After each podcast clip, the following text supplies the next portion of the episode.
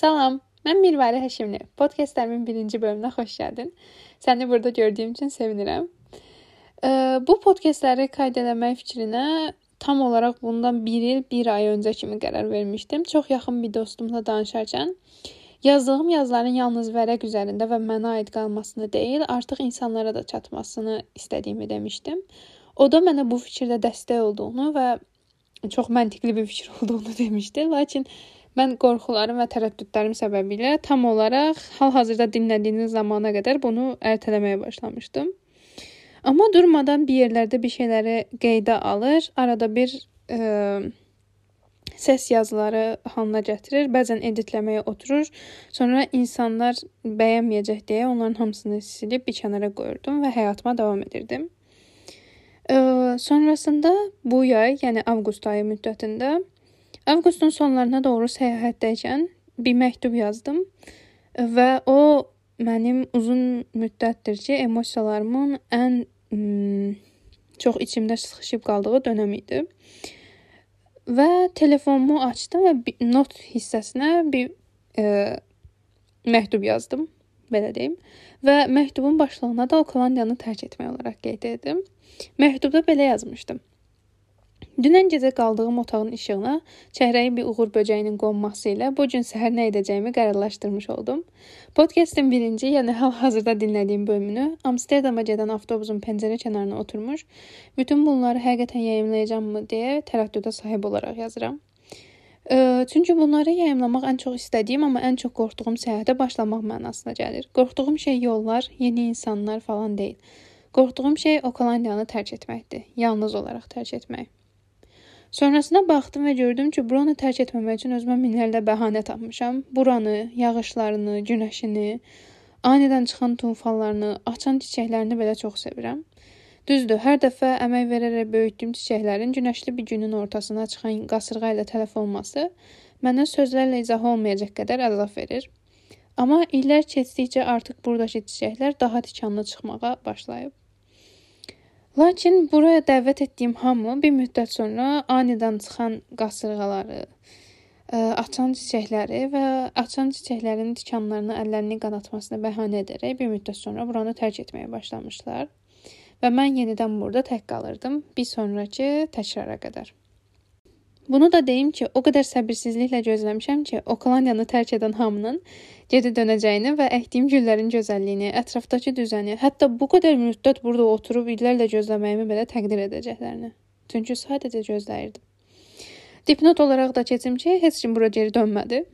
Bu qeydləri yazdıqdan bir neçə gün sonra illərdir yaşadığım ölkəyə geri dönərkən Əslində yeni səyahətə çıxmaq üçün əşyalarımı yığmağa deyil, ciblərimdə belə gizlətdiyim daşları ciblərimdən boşaltmaq üçün gəlmişəm, çiyinlərimdəki ağırlığı atmaq üçün. Doğrudan, bəlkə mən gözümdə çox böyütmüşdüm. Okalandiya təmir olunan bir həyətdə üst-üstə yığılmış irili xırdalı daşlardan ibarət təpəcik idi. İki uşağın yaratdığı və adını Okalandiya deyə səsləndiyi yer. Necə illər boyunca burada yaşamaq üçün israr etmişəm. Beləliklə, artıq buranı tərk etmək zamanı gəlib çatdı. Artıq nə buranı tərk edərkən, nə də səyahət edəcəyim bütün o yerlərdə barmaq uclarında gəzməyəcəm. Artıq ayaqlarımı yerə möhkəm basmağı öyrənirəm. Yerdə qalan izlərdən də məmnuniyyət duyuram. Okolandiyanın təpəsində oturub bütün dünyanı izləmək üçün artıq biraz gecdir. İndi buranı tərk etmək zamanıdır.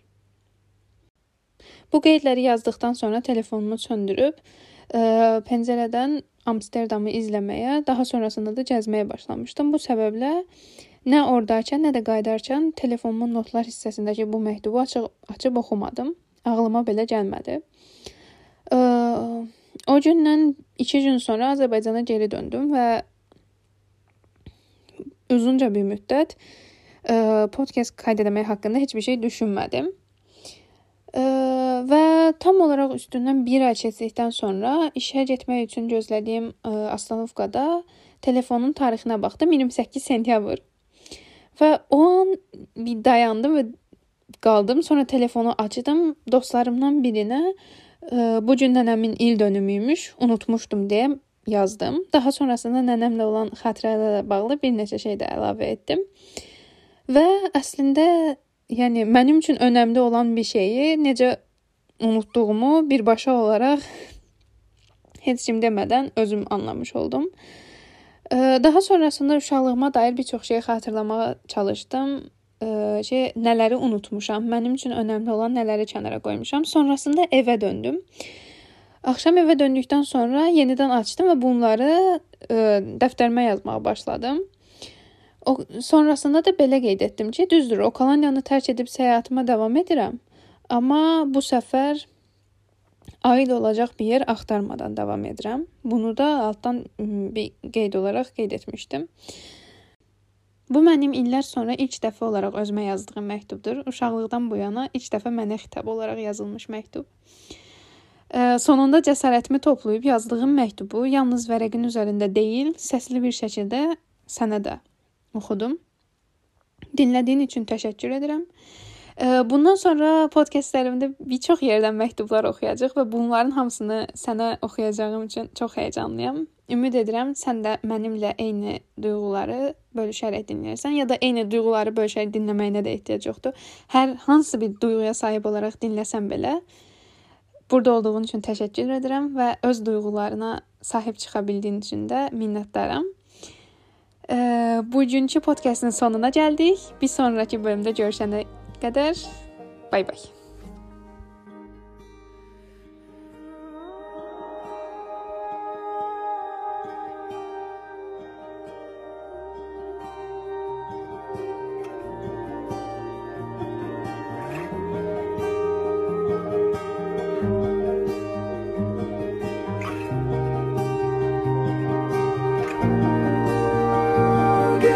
chance to